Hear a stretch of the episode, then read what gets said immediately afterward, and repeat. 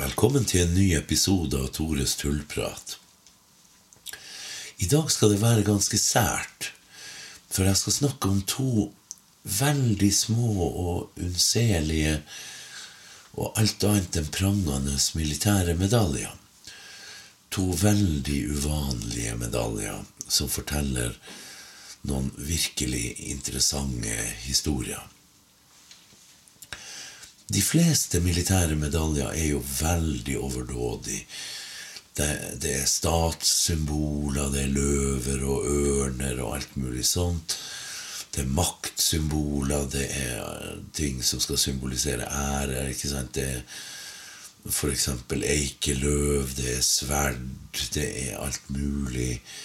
Sånne type ting som skal vise at her har man stått på for æra og makta og alt sånt.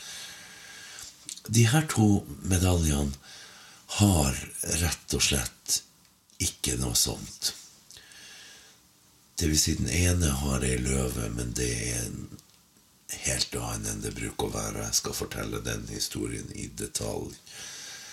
De er rett og slett mer unnselige og dermed på mange måter mer spennende. Og de har helt ufattelige historier bak seg. Sånne som man ikke kunne gjetta seg til hvis man ikke visste om dem. Så det her er jo noe som dere formodentlig ikke kjenner til fra før. Men jeg vil anta, når dere hører hva det her faktisk gjelder, at dere vil synes de er like interessante og fascinerende som jeg gjør. Så jeg skal fortelle en historie fra England under første verdenskrig, med da The Silver War Badge, som er, ja, ble laga av en helt absurd grunn. Og ja, dere vil ikke tro det, men, men det er sant. Så historien kommer snart. Den andre medaljen jeg skal snakke om, er Yser-medaljen. En belgisk medalje utgitt da i forbindelse med slaget ved Yseren. Og det er det jeg kaller for verdens ærligste militære medalje. Det skal dere også få høre veldig mye mer om, for den er rå, men ikke på den måten en medalje er til vanlig.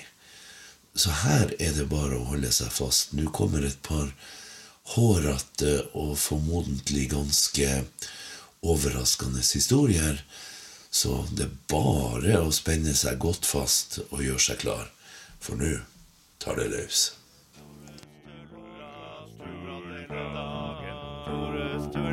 Hver mandag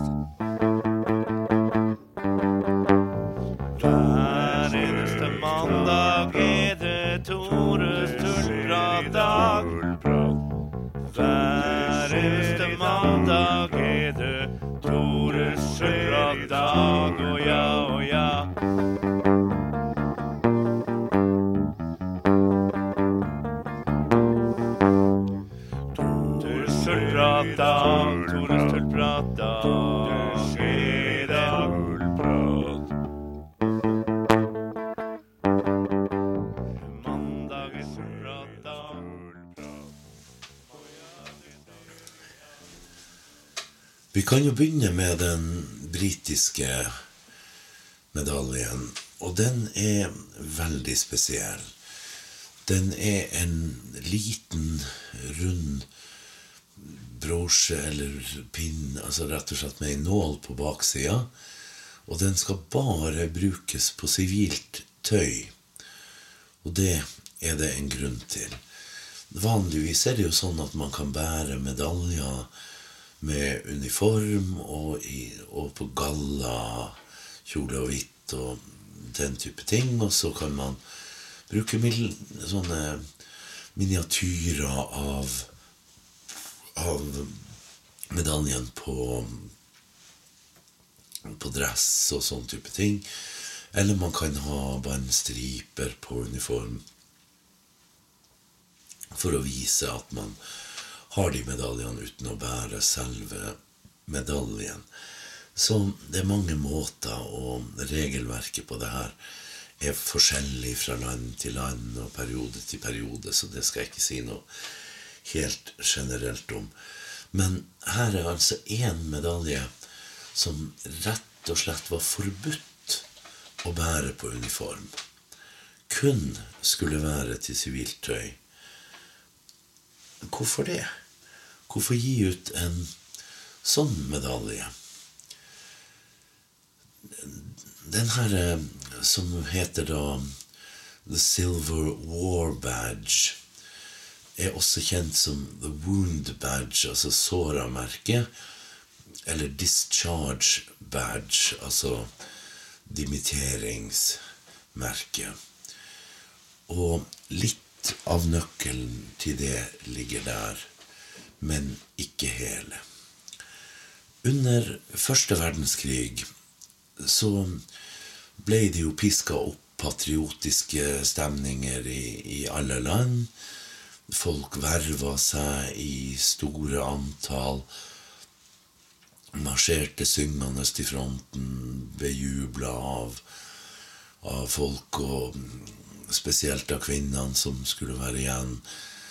Ikke sant, Det er en ganske sånn heroisk historie, særlig i starten av krigen. Etter hvert så ble det jo færre og færre frivillige, og man var nødt å kalle folk ut i hopetall til regelrett verneplikt for å klare å fylle rekkene med soldater, men i starten var det ganske mye av det jeg beskrev. Og de her patriotiske holdningene de holdt seg jo til dels, sjøl om krigen sleit veldig hardt også på de hjemme med matmangel og, og masse pluss at selvfølgelig mange døde, mange kom hjem som invalider osv. Det har en tendens til å ja, til å gjøre noe med entusiasmen. Men blant annet så ble det danna i Storbritannia patriotiske kvinneorganisasjoner og de så det som sin oppgave å rett og slett bringe mest mulig skam på de som ikke hadde verva seg. Så en ting som var veldig vanlig i de dager, var at mannfolk som så ut til å være i militær alder, men gikk i sivile klær, de kunne oppleve når som helst at ei kvinne kom opp til dem og ga dem ei hvit fjær. Og det var da rett og slett sett på som et symbol på feighet. Så det var rett og slett en sånn offentlig ja, Hva man skal kalle det? En offentlig nedverdigelse, en offentlig uthenging av alle som man da mente burde vært ved fronten. Og det er ganske brutalt. Det er virkelig brutalt.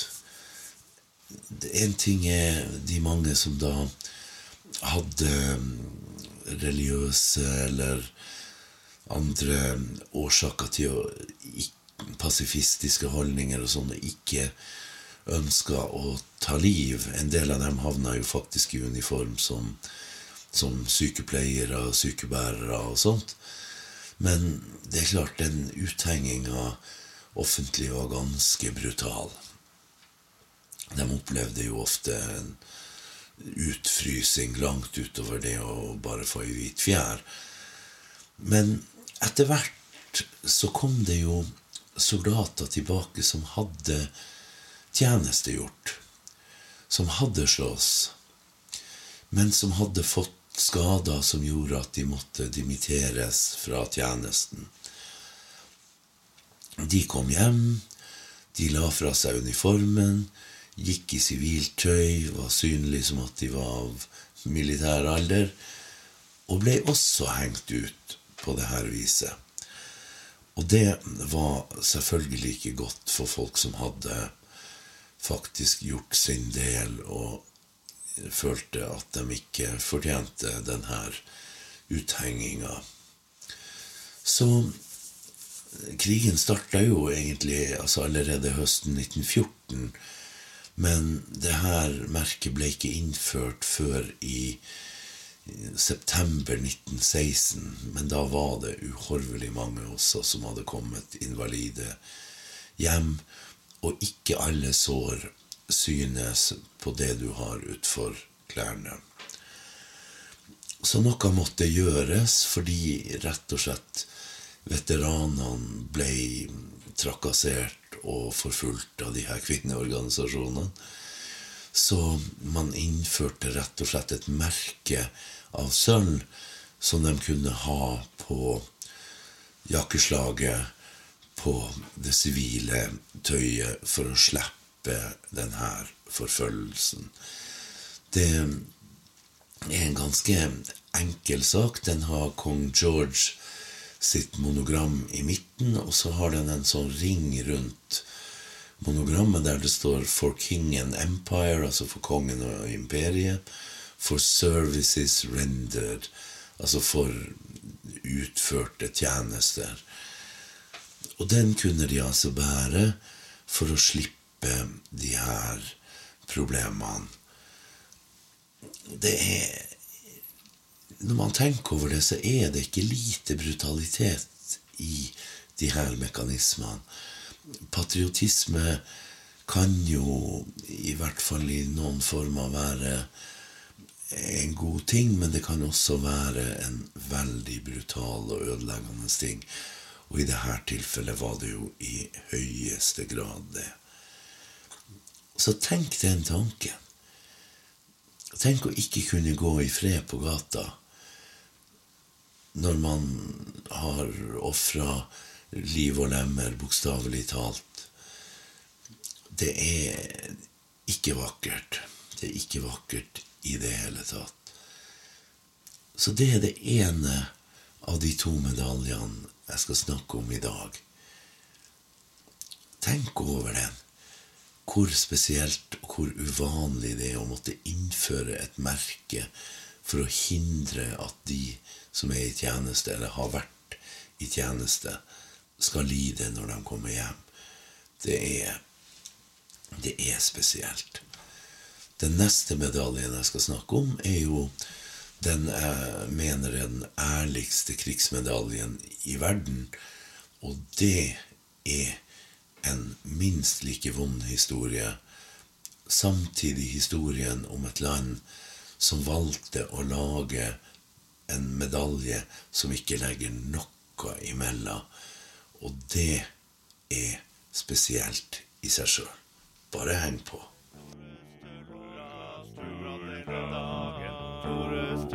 Sturrat hver mandag podkast. Hver eneste mandag er det Tores tullpratdag.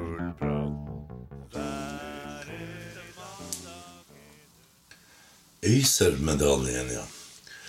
Jeg skal ikke si så mye egentlig om slaget som var bakgrunnen for den, men, men, litt må man bare si. For det var sånn at i 1914 så invaderte Tyskland Belgia som et ledd i Schlieffen-planen, som skulle da rett og slett bruke Belgia som en mellomstasjon for å angripe Frankrike.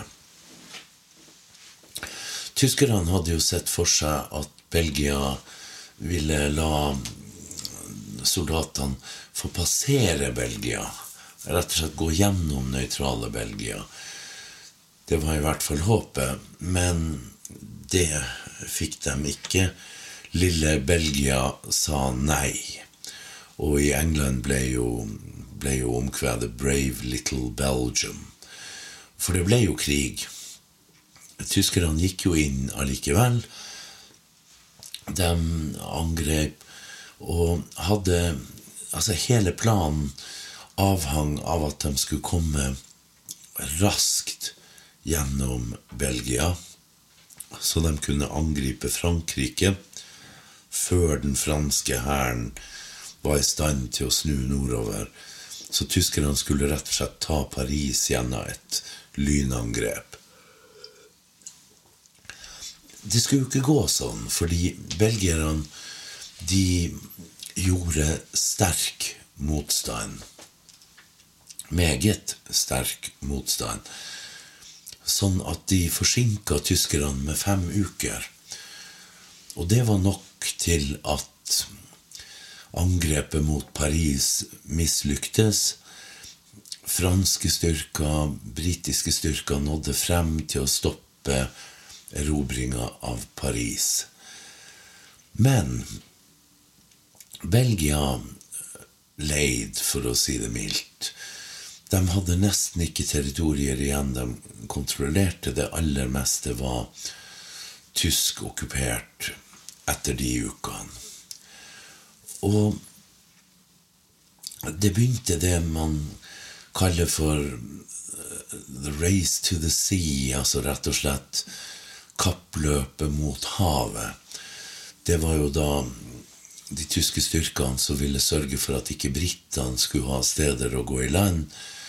At de skulle ta mm, ja, Calais, Boulogne, Dunkerque Altså de her eh, havnebyene hvor det var viktig for britene å kunne gå i land og bringe inn utstyr og folk. Tyskerne lyktes jo ikke med det. Og det var mye på grunn av Øyserslaget.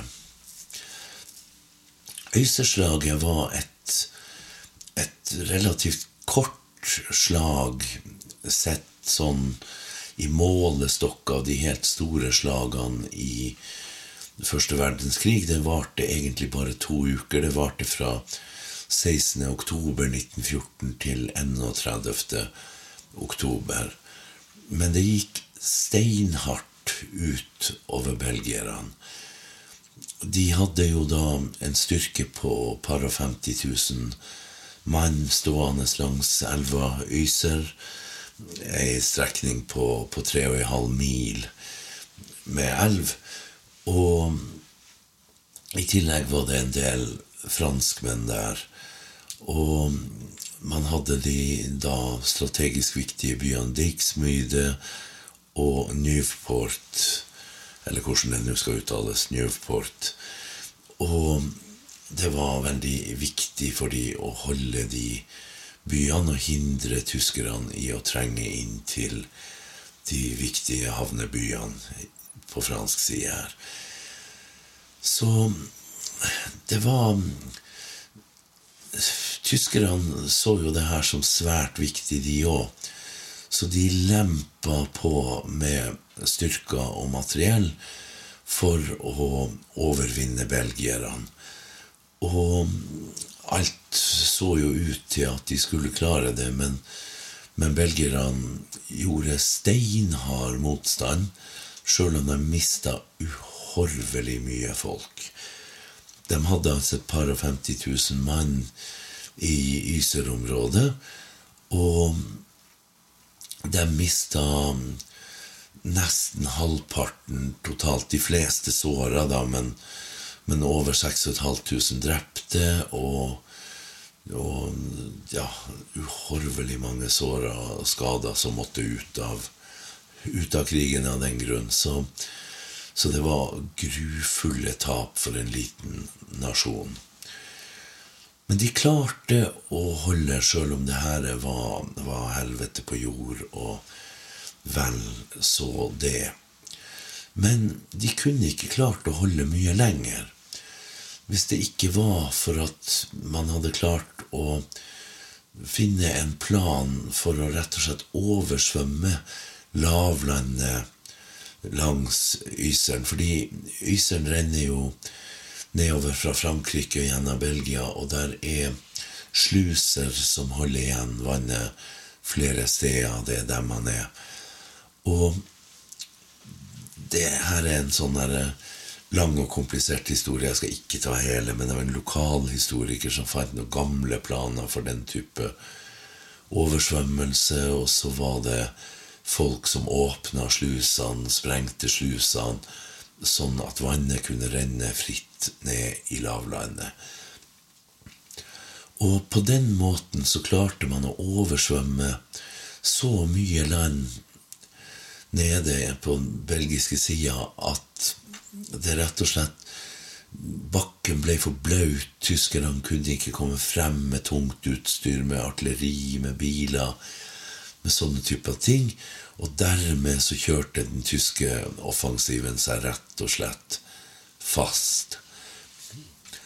Og med det her så endte det opp med at Belgia, som var nesten fullstendig okkupert, med 95% av landet allerede okkupert av tyskerne, så klarte de å beholde en liten 5% av landet sitt som de forsvarte resten av verdenskrigen. Og det var ganske viktig for stoltheter, nasjonale stoltheter og sånn, så de holdt altså fortsatt Belgia.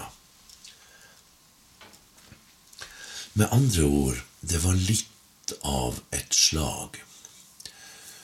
Og helt forferdelig.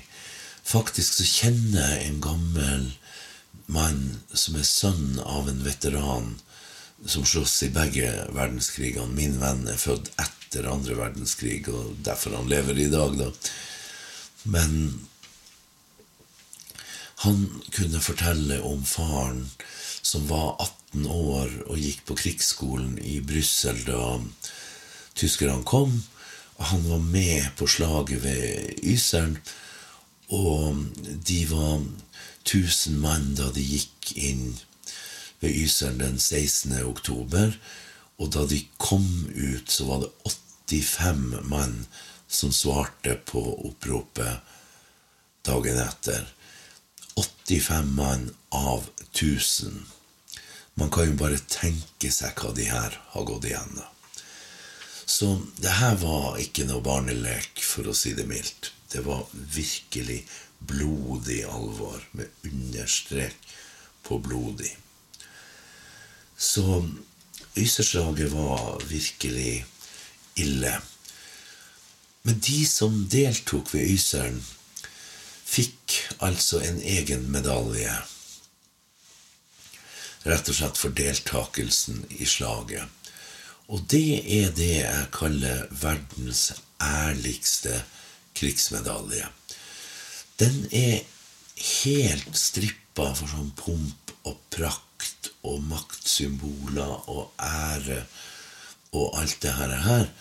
Den har en ørliten sirkel med monogrammet til kong Albert. Det måtte man jo selvfølgelig men bildespråket på den medaljen er helt annerledes enn alle andre medaljer. Den bare forteller historien. På den ene sida står Belgia, altså den belgiske hæren, og er avbilda som en naken ung mann. Altså naken, fullstendig forsvarsløs, bare med en stav som han holder ut. Og det er åpenbart da budskapet 'De skal ikke komme gjennom', som jo var et slagord i de dager. Men det står ikke noe slagord, det står ingen patriotiske meldinger, bare den derre forsvarsløse, nakne unggutten med en liten kjepp som skal stoppe dem. På den andre sida av medaljen er det kanskje det mest ufattelige bruken av et rikssymbol jeg noensinne har sett. For der er det nemlig sånn at den belgiske løva, som jo vanligvis kneiser så stolt med nakken, ligger såra med bakparten slepende etter seg, og omgitt av ild av fakler som kommer kastende overalt fra, og den brøler i i smerte mot himmelen og har et, et sår i, i, flanken bak. Så det her er den belgiske løva som er såra og har det vondt og lider og skriker, men allikevel står imot. Er det noe annet land som noensinne har brukt riksløva si eller ørna eller noe sånt på samme måten. Jeg har aldri sett noe sånt. Men det er ufattelig sterkt når du vet hva det slaget betydde for, for belgierne, og hva det kosta for dem. Så det må være den ærligste krigsmedaljen i verden. Det, det, jeg må bare påstå det igjen og igjen. Den ærligere blir det ikke. Alle sånne medaljer som skal henge fra en ring, har jo et bånd. Og det har Yser-medaljen òg. Og mens det ofte er gilde farger og mønstre og sånt på sånne medaljebånd, så er Yser-medaljens band i to farger. Det er svart med ei rød stripe som går gjennom midten. Det er svart for sorgen, det er rødt for blodet. Det er ingen andre medaljer som så til de grader gir meg den følelsen at Oi, her har det skjedd noe. Det ligger jo dramatiske, fryktelige, vonde ting bak de aller fleste medaljer og, og historiene bak at folk har fått dem.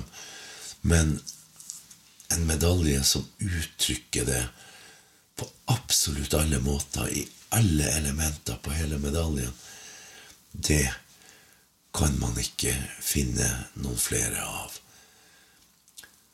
Så jeg ser den der nakne unggutten og ser for meg de stakkars belgiske soldatene mens det regna granater over dem, og de holdt stillinga mot stormangrep etter stormangrep, til endelig vannet kom flommende og oversvømte deres stillinger òg, men stoppa fienden.